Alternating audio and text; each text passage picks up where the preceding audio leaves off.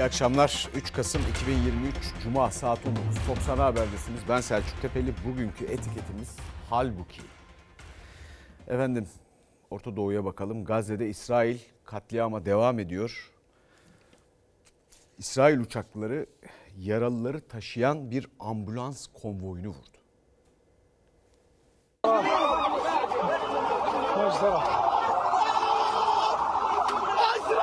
İsrail jetleri yaralıları taşıyan ambulans konvoyunu bombaladı. Çok sayıda kişi hayatını kaybetti.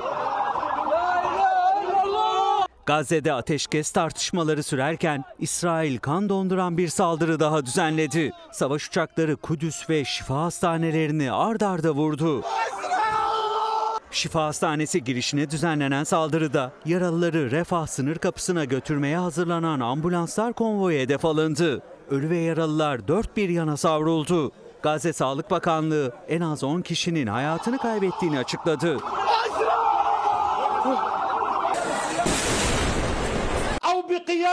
Dünyanın gözü ise Hizbullah lideri Nasrallah'ın yapacağı konuşmadaydı. Nasrallah beklenenin aksine İsrail'e topyekün savaşı ilan etmedi.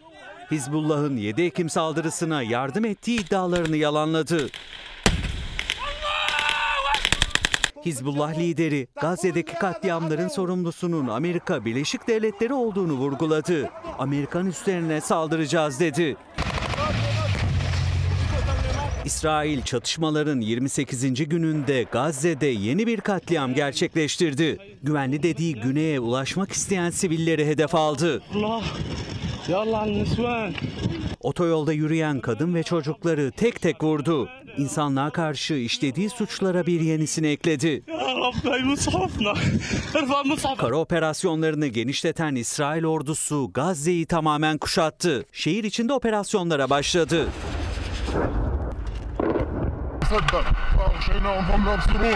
Hamas, İsrail'e Gazze lanetiniz olacak yanıtı verdi. İsrail askerlerine saldırı görüntülerini yayınladı.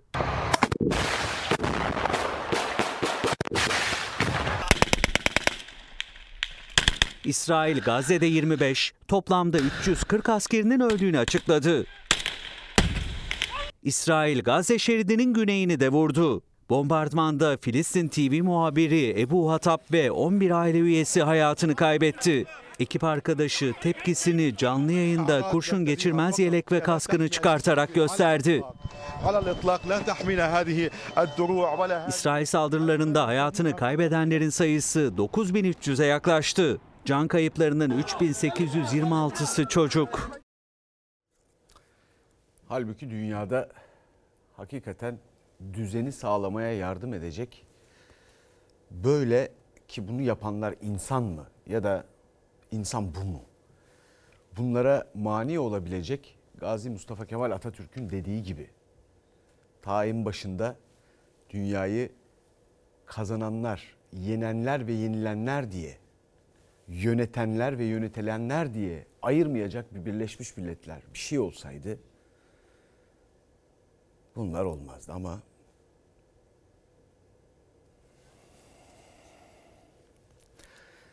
Efendim gazeteci Tolga Şardan tutuklanmasının ardından avukatı aracılığıyla açıklama yaptı. Haberinin arkasında yine olsa yine yaparım dedi. Biz gazeteciyiz. Sonuç itibariyle gazetecilik yapıyoruz. Ben sadece gazeteciliğin gereğini yaptım. Yine olsa yine yaparım. Bu tutuklamanın Cumhurbaşkanı'nın talimatıyla olduğunu da düşünmüyorum. Bu başsavcının kişisel hırsı nedeniyle yaptığı bir tutuklamadır. Gazeteci Tolga Şardan cezaevinden avukatı aracılığıyla yaptı bu açıklamayı. Milli İstihbarat Teşkilatı'nın Cumhurbaşkanı Erdoğan'a yargı raporu sunduğuna ilişkin haberinin tutuklama gerekçesi olmasını İstanbul Cumhuriyet Başsavcısının kişisel hırsı diyerek açıkladı. Adalet Bakanı Yılmaz Tunç ise Şardan'ın tutuklanmasını savundu. Hiçbir gazetecinin tutuklanmasına gönlümüz razı olmaz ama bunun da bir sınırı var. TCK'da halkı yanıltıcı bilgi alenen yayma suçu var. Halkı yanıltıcı bilgiden bahsediyorsun. Bu ülkede seçimde sarayın iletişim başkanlığı sahte videolar yayınladı. İnsanlara iftira attı. Seçmen iradesi fesata uğratıldı. Ne yaptınız? Üst sınırı 3 yıl, hadi basın yoluyla işlendiğinde 4,5 yıl olan bir suçta, üstelik de tamamen doğru olan bir yazı nedeniyle ki yanlış olsa ne olur? Hani gazeteci tutuklamaya delil oluşturabilir mi bir yazı? Gazeteci Tolga Şardan, MIT'in Cumhurbaşkanlığına sunduğu yargı raporunda neler var başlıklı yazısında yargıda yolsuzluk ve usulsüzlük iddiaları ile ilgili Milli İstihbarat Teşkilatı'nın da Cumhurbaşkanı Erdoğan'a bir rapor sunduğunu anlattı.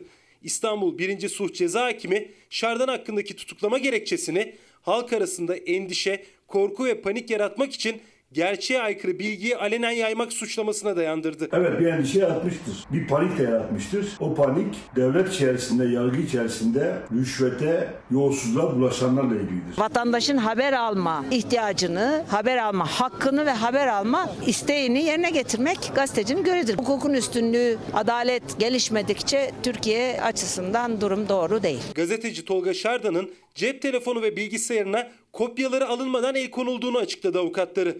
Şardan Ankara Sincan cezaevinden İstanbul Silivri cezaevine gönderildi.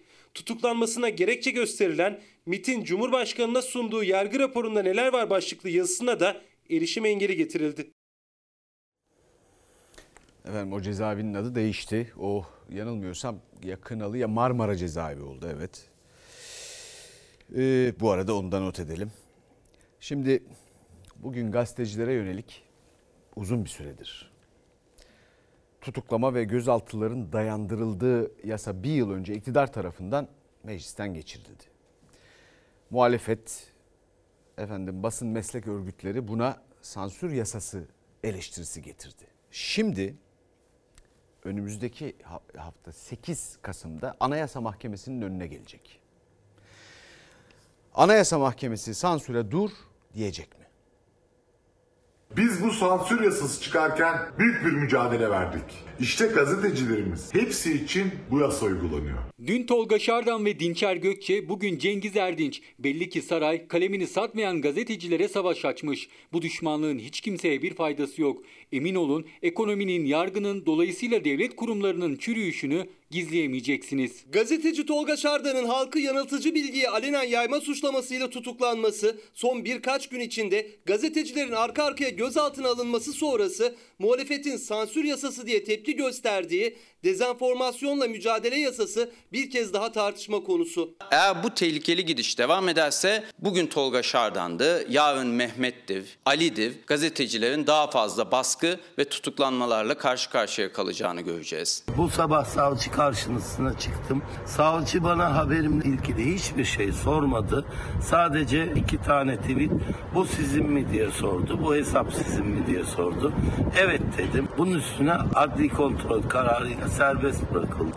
Gazeteci Cengiz Erdinç de Tolga Şardan gibi halkı yanıltıcı bilgiyi alenen yayma suçundan gözaltına alındı ancak yurt dışına çıkma yasağı ve adli kontrolle serbest bırakıldı. İki gün önce aynı suçlamayla gözaltına alınıp adli kontrolle serbest bırakılan gazeteci Dinçer Gökçe gibi. Bir gazeteciyi doğru yaptığı haber yüzünden ona rağmen yalan haber diye hapse tıkamazsınız. Olmaz bu. No name hesaplar üzerinden e, her türlü itibar suikastleri yapılıyor. Buranın bir e, şekilde disiplin altına alınması, benim sözüm var söyleyeceğim diyenin çok daha net bir şekilde söyleyebilmesini temin edecek uzun hazırlıklarla bu yasa gündeme gelmiştir. İktidar bundan bir yıl önce kabul edilen muhalefetin ve basın meslek örgütlerinin sansür yasası dediği yasayı sosyal medyadaki yalan haberleri kontrol için diye savunmuştu. Yasa çıktıktan sonra pek çok gazeteciye aynı maddeden soruşturma başlatıldı. Gazeteci Tolga Şardan tutuklanan ikinci isim. İlki Sinan Aygül olmuştu. Aygül'ün halkı yanıltıcı bilgiyi alenen yayma suçundan verilen 10 ay hapis cezası temize de taşındı ama Yargıtay Cumhuriyet Başsavcılığı Aygül'e verilen 10 aylık hapis cezasını onadı. Bir gün gazetesi ve muhabirlerine de dezenformasyon soruşturması başlatıldı. Gazeteciler suçlu değildir. İnandığı, doğru bildiği şeyleri yazar, konuları halkla paylaşır. Bunun takdirini saray değil, yargı değil, halk verir. Burada bir suç yoktur. Suçun unsurları oluşmamıştır. Kişinin bu suçu işlerken amacının halkı endişeye, korkuya, paniğe sevk etme amacı taşıması. Bu haberle böyle bir şey oluştu mu? Böyle bir şey olmadığı gibi tersinden bakarsanız aslında o Cumhuriyet Başsavcılığının dilekçesi dahi kamu bağışının tekrar, kamu düzeninin tekrar sağlanması için yapılmış bir adımdı. Anayasanın 22. maddesinde herkes haberleşme hürriyetine sahiptir. Haberleşmenin gizliliği esastır yazıyor. 28. maddede basın hürdür sansür edilemez. Devlet basın ve haber alma hürriyetini sağlayacak tedbirleri alır diyor. Gazetecilere yönelik gözaltılar, tutuklamalar yaşanırken Anayasa Mahkemesi de sansür yasasının iptali başvurusunu 8 Kasım'da görüşecek. İptal kararı çıkarsa bu açılan davaları, soruşturmaları da etkileyecek. Efendim hayat pahalılığından emeklilerin veya çalışanlarımızın maaşlarında yapılacak iyileştirmeye 3600 ek göstergeden efendim daha aklınıza gelecek kiracı ev sahibi sorunlarına kadar her an hayatınızı etkileyen, olumsuz yönde etkileyen ve sorduğunuz, cevap aradığınız pek çok sorunun yanıtı işte burada. Bağımsız yargıda. Bağımsız bir yargı olmazsa ve bağımsız bir basın olmazsa bu soruların cevaplarını alamazsınız, beklentileriniz de karşılanmaz. Bakıyoruz şimdi iki gün önce not ettik. Dedim ki bunu not edelim. Adalet Bakanı dedi ki yargıdaki bir dava hakkında konuşmam. İki gün önce dedi. E bugün konuştu. İşte not ettik. Aradan iki gün geçti.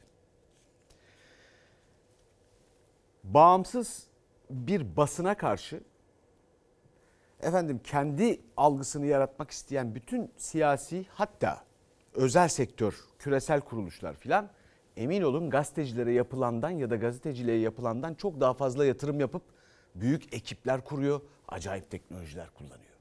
Bugünün şartları, koşulları bunun üstüne çok konuşmamızı gerektiriyor. Hatalar, sorunlar, kötü politikalar, bencil siyaset büyüdükçe, alan kapladıkça, ekonomi kötüye gittikçe basının, haber medyasının imkanı alanları daha da daraltılıyor. Bunlar için yasalar çıkarılıyor. Bir de sosyal medya meselesi var. Dijital dünya. Orada da büyük oranda sosyal medya haber kaynağı olamaz. Büyük oranda cehalet yayılıyor, demokratikleşiyor. Cehaletin demokratikleşmesi ne demek ona girmeyeceğim şimdi. Ama bu böyle olduğu sürece beklentilerinizin karşılanmasına imkan yoktur. Efendim mesela mesela mesela herkes şu ya da bu biçimde etkileniyor. Bakın bağımsız yargı niye lazım? Ev yok, para yok, soruşturma da yok. Konut mağduruyum. Hangi daire sizin diye sorsam. P2'deydi şuradaki blok. Ki 13 seneden beri teslim edilmiyor. Maket üzerinden aldık. F1 blokta 2 artı 1 dairem var. Var sadece yani adı var ama kendisi yok. 12 yıl önce maket üzerinden satın aldıkları dairelerin inşaatı bitmedi. İstanbul Esenyurt'taki siteyi inşa eden şirket yaklaşık 4000 kişiden 300 milyon dolar topladı. İnşaat tamamlanamadı diyerek bir de bankadan 600 milyon lira kredi çekti. Ne paralar geri ödendi ne de daireler teslim edildi. Mağdurlar mahkemeye başvurdu ancak mahkeme kovuşturmaya yer yok dedi. Kanser olan ölenler oldu bu inşaatı göremeyen insanlar oldu, boşananlar oldu. 2012'de aldım, 2017'de bitti bütün borcum. Ama evimi 12 senedir alamadım. 2018 yılında inşaat tamamen durduruldu. Ömrü yetmeyen arkadaşlarımız da var.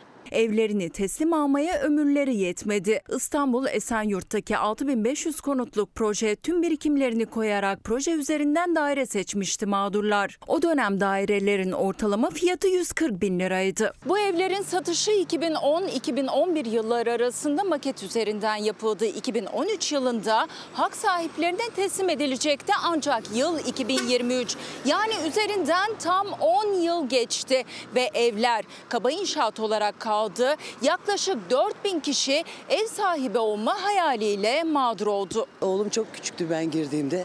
İşte ona bir yatırım olsun dedik. Emekli oldu eşim ve eşimin emekli maaşını komple oraya yatırdık. Ve ödemelerimizde bir gün bile ihmal etmedik. Bize satılan bu arada daireleri arsasını bir e, kamu bankasına ipotek verilmiş. İlk satışın yapıldığı dönemde daire sahiplerinden 300 milyon dolar topladı şirket. İnşaatı tamamlamak için de bir de kamu bankasından 600 milyon liralık kredi çekildi. Ancak iddiaya göre o para da projeye harcanmadı. İnşaat durdu. 2018'de inşaat durunca biz de bununla ilgili suç duyuruları yaptık. Savcılarda maalesef ki ne avukatlarımızla görüşüyorlar, bizimle görüşmüyorlar ve dosyaya gizlilik kararı koydular.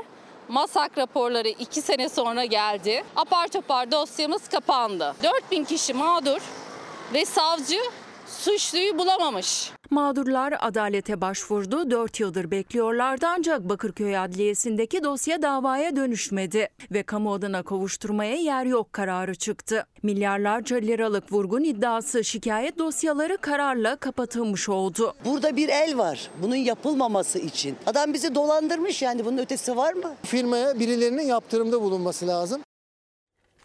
Evet efendim. Şu ya da bu konuda hayatımızın herhangi bir anında adalet gerekir. Ona güvenmemiz gerekir. Efendim bunların hepsinin arasındaki bağlantı bu yaşadıklarımızın. Soruların yanıtı bu dediğim gibi. Hesap verilebilir olmalı. Hükümet edenler, karar verenler. Birileri de bunu denetlemeli. Bakın hep herkes mutluluk arıyor her şartta. Hiç koşullara bakmadan. Mutluluk ancak adaletle, adalet de ancak gerçeklerle mümkündür. Efendim CHP'ye geçelim. Cumhuriyet Halk Partisi kurultay geldi. Kılıçdaroğlu mu, Özel mi? Genel başkanlık seçimi bu salonda olacak. Burada birkaç hususu engellemek lazım. Yani bu divana 50 kişi, 30 kişi, 40 kişi bir şeye sorar pozisyonu görüntülerini engellemek lazım. CHP'de genel başkanlık yarışına saatler kala kurultay salonunda hazırlıklar. Divan başkanlığını yapacak olan Ekrem İmamoğlu kurultaydan sorumlu milletvekilleriyle toplantı yaptı. Kurultay salonunu inceledi. Genel başkanlık için en güçlü iki aday Kemal Kılıçdaroğlu ve Özgür Özel. CHP'de kurultaya artık saatler kaldı. Kemal Kılıçdaroğlu için ya tamam ya devam kurultayı. Rakipleri içinse yeni bir başlangıç şansı. Yenilenme mi kazanacak, değişim mi kazanacak? Son sözü söyleyecek olan CHP delegeleri. Güzel bir kongre yaşayacağız. Demokratik bir kongre yaşayacağız ve Türkiye yeniden bir umut ışığını yakmanın mücadelesini vereceğiz. Kurultayın kaderi işte bu salonda belli olacak. Tam 23 sandık kuruldu. Delegeler genel başkan tercihleri için son sözü söyleyecekleri oylarını işte bu salonda kullanacak. Divan bir şey mi alacak? Bir masa şuraya kurduk derdini orada dinler. Niye yukarıya yığılacak? Salondaki sloganlarda tek bir dil hakim, birlik ve beraberlik vurgusu. Ancak adayların tanıtımına gelince durum çok daha farklı. Salonda sadece Genel Başkan Kemal Kılıçdaroğlu'nun fotoğrafı var. Rakiplerine ise salonda yer verilmedi. Özgür Özel'i destekleyen konukların afişlerini, pankartlarını asacakları alanlarla ilgili de bir mutabakata vardı. Özgür Özel'in afişlerini asılacağını söyledik. Kurultayın yapılacağı Ankara Arena ikiye ayrıldı. Arenanın bir tarafında Kılıçdaroğlu'nu destekleyenler olacak. Diğer tarafında Özgür Özel'in destekçileri Örsan Öymen, İlhan Cihaner ve Ünal Karahasan da adaylık açıklaması yaptılar ama en az 68 delegenin imzasına ihtiyaçları var. İlk iki turda genel başkan seçilebilmek için 1368 delegenin en az 684'ünün oyu gerekiyor. Seçim 3. tura kalırsa en çok oyu alan genel başkan seçiliyor. İkinci günde yeni parti meclisi de belirlenecek. Değişim yok, başkalaşım var. Sen git ben geleyim. Fırsatçılık var. Ben buna karşıyım. Ne fırsatçılığı? Ticaret mi yapıyoruz? Fırsatçılık, mırçatçılık demek meseleyi Cumhuriyet Halk Partisi'ni AK Partilileştirmek, MHP'lileştirmek anlamına gelir. Bu doğru bir şey değil. Kurultay öncesi genel başkan adayı Özgür Özel ile genel merkez arasındaki tansiyon da yüksek. Kurultayın organizasyonundan sorumlu Elazığ milletvekili Gürsel Erol'un fırsatçı suçlamasına sert yanıt verdi Özel. O küçük gören dil, hakir gören dil, hakaret eden dil. O doğru bir dil değil. Efendim Türkiye'de siyaset fena halde demode hatta banalleşmiş gibi geliyor bana hep. Şimdi çok detaya inip insanların ilgisini kaybetmeye gerek yok. Bakın Obama ki onu yaratan danışmanı adeta hikayesini yaratan David Axelrod'un şu tavsiyesine uyduğu ve tek bir sloganla seçim kazandı. Hope, umut. Ya da Kennedy gazetecilerle, efendim siyasetçilerle ya da akademisyenlerle değil sanatçılarla, yazarlarla filan buluştu. İçlerinden bir tanesi ona bir kağıtta Go to the moon dedi. Ay'a git. İnsanlara hayal kurdurdu. Efendim ah hayal kurdurdu derken efendim bir de TÜİK meselesi var tabii. Burada hayallere yer yok. Yani TÜİK çünkü hani neler hayal ediyorsunuz zamlar konusunda maaş zamları konusunda bilmiyorum ama TÜİK maaş zamlarını netleştiriyor. Çok samimi söylüyorum. Meyveyi taneyle alıyorum. Çünkü 50 liradan 60 liradan aşağı meyve yok. Ne oldu da bu duruma geldik? Hiç buna dur diyecek kimse yok. Ben 2017'de emekli oldum. Emekli olduğumda maaşım 2000 euro civarı filandı. Daha da neye düşürecekler? Alım gücü şu an yarı yarıya düştü yani emeklinin. Alım gücü düşüyor çünkü enflasyondaki artış sürüyor. TÜİK Ekim ayı enflasyonunu %3,43 olarak açıkladı. Yıllık enflasyon %61,36. Bağımsız araştırma grubu ENAG'a göre ise Ekim ayı enflasyonu %5,09. Yıllık enflasyon TÜİK'in açıkladığının iki katından fazla %126,18. Enag'ın verilerine güveniyorum. Bir de yaşadığım zaten onun verilerinin doğru olduğunu gösteriyor. TÜİK'in rakamlarını falan tartışmak saçma. Önemli olan piyasayı belli bir yerde kontrol etmek. Enflasyonla mücadele başarı olsa kimse ben %30-40 hesabı yapmaz yani o zaman. Alım gücü olsa. Size bir fotoğraf göstermek istiyorum Sayın Bakan. Lütfen bu fotoğrafa iyi bakmanızı istiyorum. Gıdalardan alıp biz yararlanamıyoruz hepsinden. Ne yapacağım ne yiyeceğim evde duvarı taşı mı yiyeyim ben yani? Yıkıyorum salatayı kullanıyorum yani. Aç kalırsan me- mecbur alıp yiyorsun. Komşular görmesin diye karanlıkta geliyorum. Muhalefet memurun emeklinin alacağı zammı hatırlatarak Çalışma Bakanı'na bütçe mesaisinde yoksulluğun fotoğrafıyla tepki gösterirken TÜİK'in Ekim ayı enflasyon rakamıyla emeklinin memurun alacağı 4 aylık enflasyon farkı da belli oldu. SSK emeklisinin 4 aylık enflasyon farkı alacağı %29,40. Memurun 4 aylık enflasyon farkı ise %22,08. %100 verseler kurtarmaz diye düşünüyorum yani. Bu oran çok düşük. Dalga mı geçiyorlar bizimle? Öyle şey olur mu? Onlar yalan inanmıyorum ben. TÜİK'in işi gücü bizi böyle yalandan kandırmak. Domates 70 lira, peynir 250 lira. Eti görmüyoruz zaten. Keşke maaşlarımıza zam yapmasaydı, her şeyin arkasına sıfır gelmeseydi. 1 liralık simit 10 lira oldu. Son 4 aylık TÜİK enflasyonu kök maaşı 7500 lira olan SSK emeklisinin maaşında 2205 lira artış demek. En düşük memur maaşında 4493 lira. Yılın bitmesine daha 2 ay var. Kasım ve Aralık enflasyon oranları asıl zam oranını belirleyecek. Emekli ve memur refah payı da bekliyor ama Çalışma Bakanı Vedat Işıkhan EYT mesaisi yapan SGK çalışanlarına mesai bile ödeyemedik açıklaması yaptı. Emeklilik işlemleri aksamasın diye vatandaşlarımızın gece gündüz çalışan personelimiz oldu. Fazla mesai almamasına rağmen 3 ay ödeyebildik. Bazı sebeplerden bütçedeki kısıtlamalardan dolayı. Ben köyde yaşıyorum bak. Sağdan soldan odun topluyorum. Yiyeceğimi kendim üretiyorum. Konservemi yapıyorum. Onu yapıyorum, bunu yapıyorum. Bak ben sıkıntı var diyorum. Memur da emekli de yapılacak maaş zamlarında gün be gün artan fiyatların çarşı pazardaki enflasyon oranının göz önünde bulundurulmasını istiyor. Efendim patron sizsiniz ve bunu göstermediğiniz sürece bu şartlar ağırlaşarak devam eder. Çünkü bunun önüne geçecek bir politikada görmüyoruz. Bir kıymetli izleyicimiz e, TÜİK'in e, açıkladığı rakamlar emeklinin memurun geçim endeksi olarak görülmesinden vazgeçilmeli. O oranlar çarşı pazarı tutmuyorsa ne anlamı var demiş. E, TÜİK onları açıklıyor biz de TÜİK'in yalancısıyız.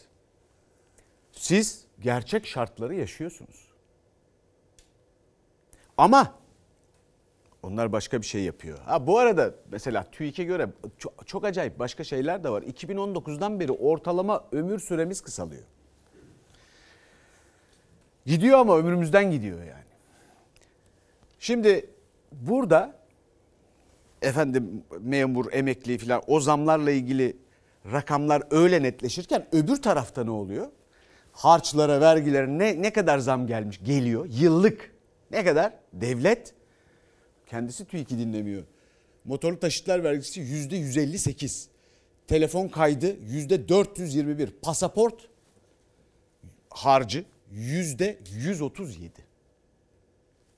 Neredeyse %60'a yakın vergi, harç ve cezalara 2024 yılının başında zam gelmiş olacak. Bugün oranlar belli oldu. Nasıl buluyorsunuz bu artışı? Oranlar çok yüksek yani aynı oranda artışı memur işçi maaşlarına, emekli maaşlarına yapmıyorlar. Kırıldım açıkçası. Ben en az %200, %300 gelmesini beklerdim.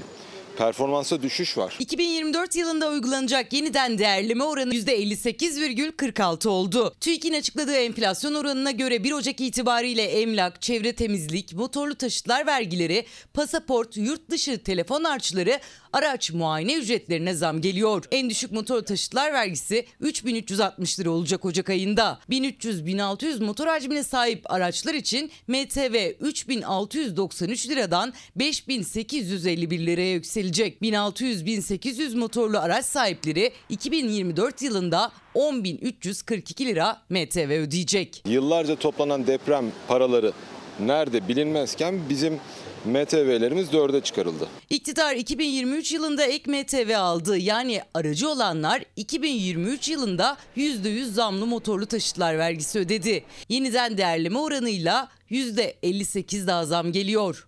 2023 Ocak ayından 2024 Ocak ayına MTV'deki artış %158. Verdikleri mesaj açık ve net. Oturun oturduğunuz yerde çıkmayın, evinizde oturun kalın. O kadar. 2023 Ocak ayında 3 yıl ve üzeri pasaport harcı 3295 liraydı. Seçim sonrası 4943 liraya yükseldi ara zamla. 1 Ocak itibariyle 7943 liraya çıkacak.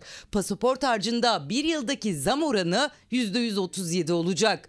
4 kişilik bir aile yurt dışı seyahatine gitmek isterse sadece pasaport için 31.772 lira ödeyecek. Çift zam. Yarın bir gün bunlar eve de yapacak bunu. Hakkımı şimdiden söylüyorum. Hiç helal etmiyorum bu. Bir yıl içinde çifte zam gelen bir başka kalemde yurt dışından getirilen cep telefonları için kayıt parası.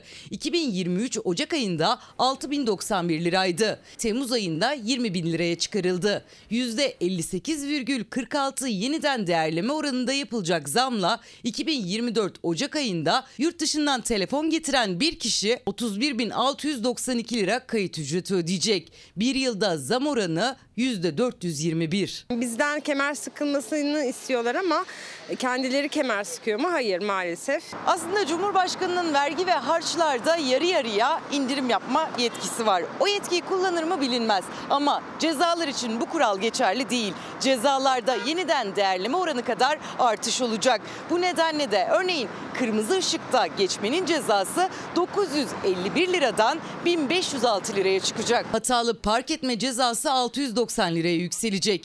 Tüm araç sahiplerinin yaptırmak zorunda olduğu araç muayene ücreti de yeniden değerleme oranında artacak. Araç muayene ücreti 1821 lira olacak. Yeniden değerleme. İlginç ifade değerleme. Özellikle artık her şeyin bir fiyatı varken hemen hiçbir şeyin değerinin olmadığı düşünülürse. Değerleme diyorlar. Efendim Haziran'da da onlara zam yapıldı, ara zam yapıldı. Emekliye ise ara gaz vardı. Haziran'da. Şimdi bakalım çalışana vergi dilimi zulmü. Yeniden değerleme oranı %58,46 olarak belirlendi. 2024 Ocak'ta gelir vergisi tarifesinin ilk dilimi 110 bin lira olacak. Yeniden değerleme oranının %58.46 olarak belirlenmesiyle birlikte milyonlarca çalışanı ilgilendiren gelir vergisi dilimleri de belli oldu. Vergi gelirinin ilk dilimi 110 bin liraya çıkacak. Geliri 110 bin lirayı aştığı andan itibaren de ikinci vergi dilimine girecek çalışanlar. 30 bin lira bürüt maaşı olan bir vatandaş önümüzdeki yıl gelir vergisi tarifesinin dilimi 110 bin lira olacağından gelir vergisi tarifesindeki üst dilime yani %20'lik dilime 5. ayda girecek. Milyonlarca işçi, emekli, memur Ocak ayında maaşlarına enflasyon ve toplu sözleşme zammı alacak. Ocak 2024'te bürüt maaşı 30 bin lira olan bir çalışandan Mayıs ayından itibaren maaşından kesilecek gelir vergisi oranı %20'ye çıkacak. Cumhurbaşkanının bu 110 bin lirayı 55 bin liraya kadar düşürme, 165 bin liraya kadar arttırma yetkisi var. Şayet Cumhurbaşkanı gelir vergisi tarife dilimlerinde yetki kullanırsa 165 bin olduğunda 7. ayda %20'lik vergi dilimine girecek. Sadece bu 2 ayda yaklaşık 3 bin lira kaybı olacaktır uygulanmaması halinde. Eğer Cumhurbaşkanı Erdoğan gelir vergisini artırma yetkisini çalışanların lehine kullanırsa 30 bin lira bürüt maaş alan bir çalışan bir üst vergi dilimine 2 ay daha geç gireceği için 3000 lirası cebinde kalacak. Brüt maaşı daha yüksek olanların kazancı daha da yükselecek. 2000 yılından bugüne kadar yeniden değerleme oranı kuruşu kuruşuna hesaplansaydı aslında ilk dilim 110 bin değil 288 bin 571 lira olması gerekirdi. Her bir çalışanın 178 bin lirası aslında gizli gizli kırpılmış. 30 bin lira brüt maaş alan bir yurttaş, bir çalışanın bırakın %27'yi %20'lik dilime girmesi mümkün değildi aslında. Milyonlarca çalışanın sırtında en büyük yük gelir vergileri. İşçi, memur konfederasyonları da işveren de gelir vergisi dilimlerinde düzenleme talep ediyor ama iktidar bir adım atmıyor. Efendim şimdi grup başkan e, vekili filan e, öyle birisi çıkıp şey diye verir. Vergiler yüksekse çalışmayın o zaman. Olabilir yani. Bir kıymetli izleyicimiz e, demiş ki Çalışma Bakanı SGK çalışanlarının mesailerini ödeyemediklerini söylüyor. Ödesin. Vatandaş olarak bir de onu mu düşüneceğim? Kendilerinden kıssınlar ödesinler. Bana ne demiş. Efendim böyle emin olun herkes hepimiz herkes hepiniz yani hükümet edersiniz. Hesapsız zamlar, özelleştirmeler. Herkes yapar bunu. Hayır o da olmuyor. Makam araçlarını özelleştirin kardeşim. Madem mesaileri ödeyemiyorsunuz. Efendim şehit annesinin sesi nihayet duyuldu.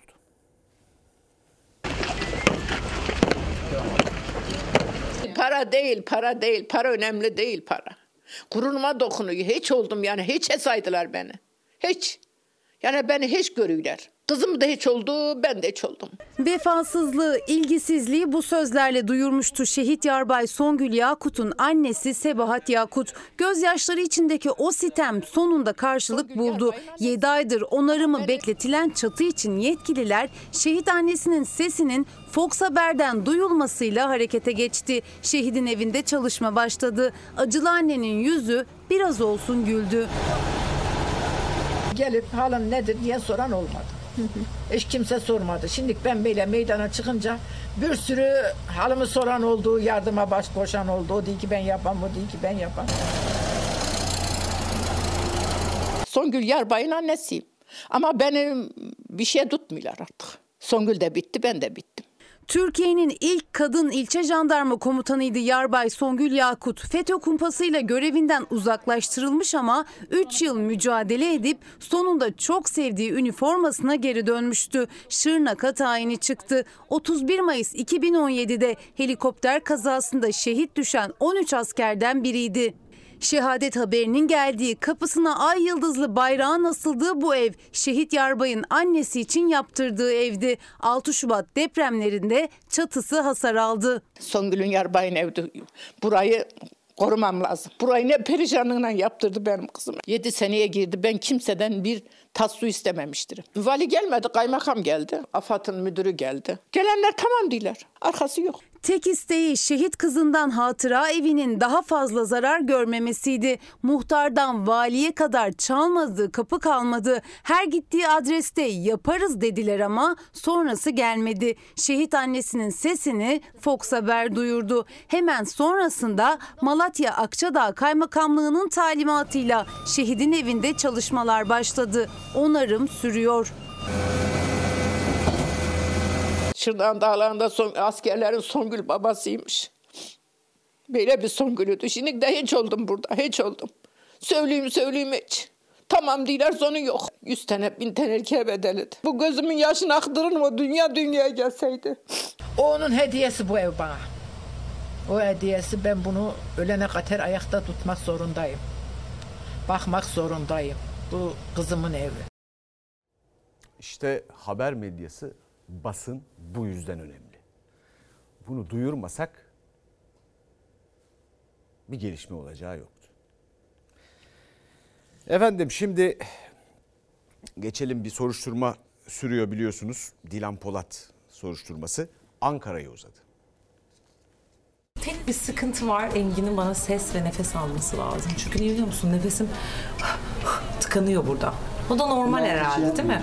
Enerji. Gözaltındaki üçüncü gününde Dilan Polat ve eşi Engin Polat'ın ifadeleri alınmaya başlandı. Soruşturma ise Ankara'ya uzadı. Gözaltı sayısı 24'e çıktı. Biraz yamuk olabilir hiç önemli değil. Bu aşkım benim enerji tacım. Bazen böyle seviyorum. Evde kızlara para falan satacağım zaman onlara daha güzel enerji gelip mutlu olsunlar, gülsünler diye takıyorum.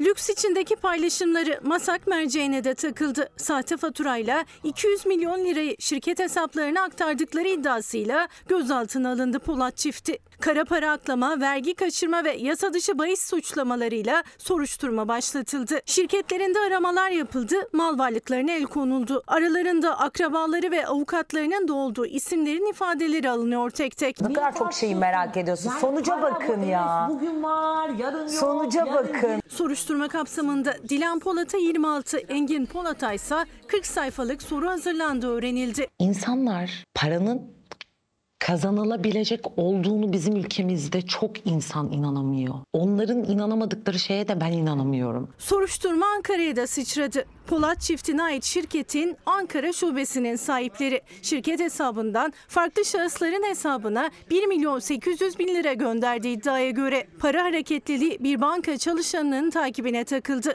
Savcılık talimatıyla paraya el konuldu. 4 kişi daha gözaltına alındı. Gözaltına alınanların sayısı 24'e yükseldi. Bir şey soracağım aşkım ya. Benim arabamın ücreti ne kadardı fiyatı?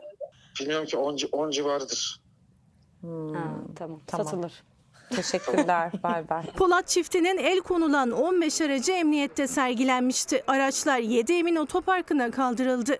Engin arabamı götürüyorlar. Çiftin İstanbul Çekmeköy'deki lüks villasında da sessizlik hakimdi. Dilan Polat'ın Çekmeköy'deki ultra lüks etrafı duvarlarla çevrili korunaklı villası gözaltına alındığından beri kapı, duvar, villa bahçesindeki araçlar çekildi ancak Polat ailesine ait kapalı otoparktaki aracın emniyetin çekici araca giremediği için alınamadığı bilgisi var. İnanılmaz güzeldi. Emeği geçen herkese A'dan Z'ye çok teşekkür ediyorum. Sizi çok seviyorum. Benim enerji burada bitti bence. Efendim Dilan Polat'la sık sık e, tartışmalarıyla gündeme gelen başka bir sosyal medya fenomeni şarkıcı Banu Parlak. O da gözaltına alındı.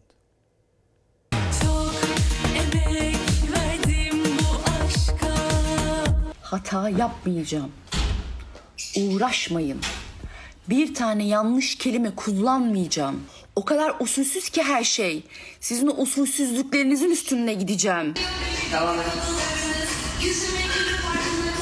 Dilan Polat'ın gözaltına alınmasını böyle tiye almış, bunu da sosyal medya hesabından paylaşmıştı. Dilan Polat'la yaşadığı tartışmalarla gündeme gelmişti. Hatta iş yerinin kurşunlanmasından da Polat sorumlu tutmuştu. Sosyal medya fenomeni şarkıcı Banu Parlak dolandırıcılık suçlamasıyla gözaltına alındı. Saçmalıyorsun. İşte Türk polisine saygısızlık yaptık. Ben ne dedim Türk polisine? Ya insana biraz böyle şey atarken bile hani böyle suç falan atarken ya da böyle hani karalama yapılırken biraz mantıklı karalama yapılır. Uzun süredir husumetli olan Dilan Polat'la Banu Parlak sık sık birbirlerine göndermeli paylaşımlarda bulunuyordu. Banu Parlak sahibi olduğu İstanbul Bahçeşehir'deki güzellik merkezini Dilan Polat'ın kurşunlattığını iddia etmiş, saldırıdan Polat ailesini sorumlu tutmuştu. İlk bir ateş ediliyor. Sonra ben merkeze gidiyorum diyorum. Ondan arkasından beş el daha ateş ediliyor. Dün akşam hanımefendi beni aradı. Dedi ki Banu yapma etme işte ben sana öyle bir şey yapmadım etmedim. Tedbir kararının anasını göreceksin. İftira mı? İftiranın danasını göreceksin sen. Şarkıcı ve sosyal medya fenomeni Banu Parlak İstanbul Havalimanı girişinde uygulama noktasında gözaltına alındı. Kooperatif dolandırıcılığıyla suçlanan Parlak adliyeye sevk edildi. Beni takip etmeyin lütfen. Dükkanım kurşulanıyor hala bir susmadın diyor. Hala etkileşim diyor. Efendim devam edelim. Ee, e, çıkalım bu şeyden. Ee, kadınların gözdesi. Bakalım neymiş? Gövdeni uzat ve tekrar sağ tarafa doğru dön. Derin bir nefes al ve nefes verirken karşıya doğru uzat. Hem fiziksel olarak bir kere inceliyorsunuz, sıkılaşıyorsunuz. E, mental olarak da kendinizi daha iyi hissediyorsunuz. Kendi bedeniniz için yapmış olduğunuz çok bence inanılmaz güzel bir yatırım. Hem geleceğe yatırım yapıyorsunuz hem de gününüzü yaşıyorsunuz diyebilirim. Endorfin, dopamin, serotonin hepsi salgılanıyor. Hem kendimi iyi hissediyorum, sağlık olarak da iyi hissediyorum, ruhen de çok iyi hissediyorum. O kadar bağımlılık yaptı ki kesinlikle yani gelmediğim bir gün vicdan azabı çekiyorum. Spordan geliyorum şu anda. sporu? Pilates yapıyorum. Pahalı bir spor mu? Evet. 5000 veren de var 10 e, derse. 10 bin veren de var. Sporda kadınların yeni tutkusu pilates. Başlayan bir daha bırakamıyor. Hem iyi hissettiriyor hem de mükemmel bir fizik, dimdik bir duruş kazandırıyor. Ancak semte, gidilen merkeze, toplu ya da bireysel tercihe göre değişse de çok ucuz bir spor değil. 300 ile 600 arası değişebiliyor e, bireysel fiyatlar. Daha uygun yerleri tercih etmeyin diyorum. Sakatlanmamak adına. İnanılmaz derecede hatta bir yoğunluk var. Kadınların son yıllarda özellikle de pandemiden sonra en çok rağbet ettikleri spor pilates. Hem sağlıklı bir vücut hem düzgün bir duruş hem de incecik bir fiziğe sahip olmalarını sağlıyor. Pandemiden beri yapıyorum. Size aylık maliyeti ne kadar? 5000 6000 civarı diyebilirim. Tercih ettiğiniz spor e, salonuna göre ya da kulübe göre değişiklik gösteriyor açıkçası. Sıkı bir fizik için birebir ama pilateste hareketler zorlayıcı. Çalıştıran fizyoterapist ya da uzman değilse sakatlanmalara yol açabiliyor. Pilates artık her yerde var ve her köşe başında, her merdiven altı e, ve herkes pilates hocası olmaya başladı. Okul okumadan hiçbir şekilde bir hoca olamazsınız.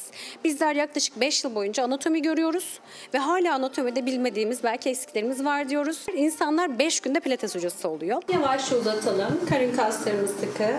Yavaşça yerine takıyoruz. Pilates pahalı. 8 ders paket alıyorsunuz. 4-4,5 bin lira bir ücreti var. Yani bunu e, ders saatine böldüğünüzde de muhtemelen bir askeri ücretlinin e, ulaşamayacağı bir spor olabilir. Birebir derslerde fiyatlar yükselse de özellikle kadınların vazgeçilmezi artık pilates.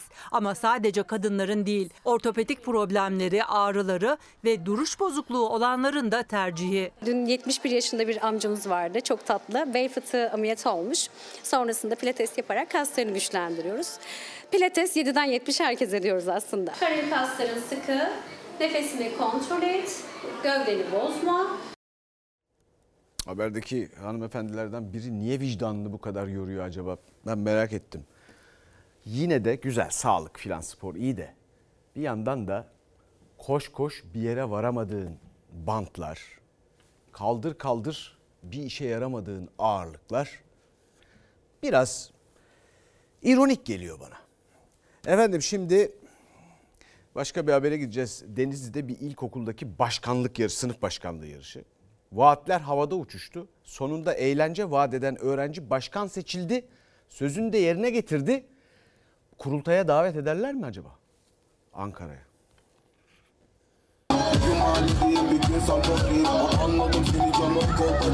Dedi ki sınıf başkanı olursam okula DJ Serap ablamı getireceğim diye arkadaşlarına söz verdi ve sözünü tuttu. Onu alkışlıyoruz.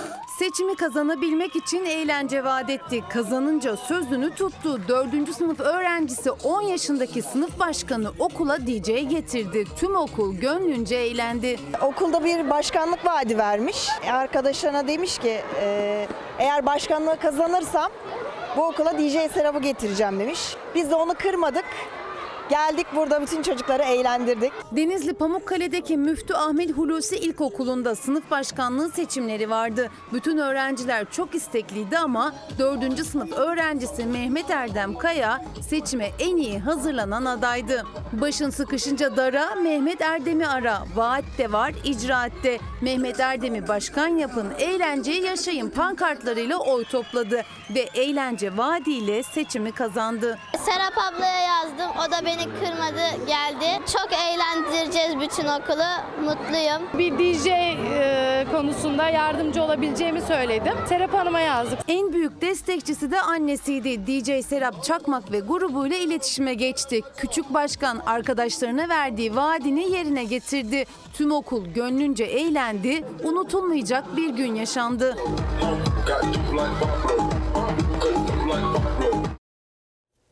Efendim bu akşam orta sayfa akşamı biliyorsunuz. Saat 23.30'da kaçırmayın. Şimdi bir reklam arası sonra bir dakika bölümünde buradayız. Efendim bir kıymetli izleyicimiz demiş ki hayatın sırrı dediğiniz şey nedir? Arada bahsediyorum Aldous Huxley'den filan. Bunlar bizim hayatımızı iyileştirir mi? Rita Monaldi isimli bir İtalyan yazar var. Bir yerde diyor ki bir kitabında sırları ne kadar açıklarsanız açıklayın gerçek esrarını. Efendim bizden sonra şahane hayatım var. Sonra 23.30'da orta sayfa var kaçırmayın. Gülbin Tosun'a kolaylıklar. İyi akşamlar. Bir başkadır benim memleketim. Lay lay lay lay lay lay lay la la la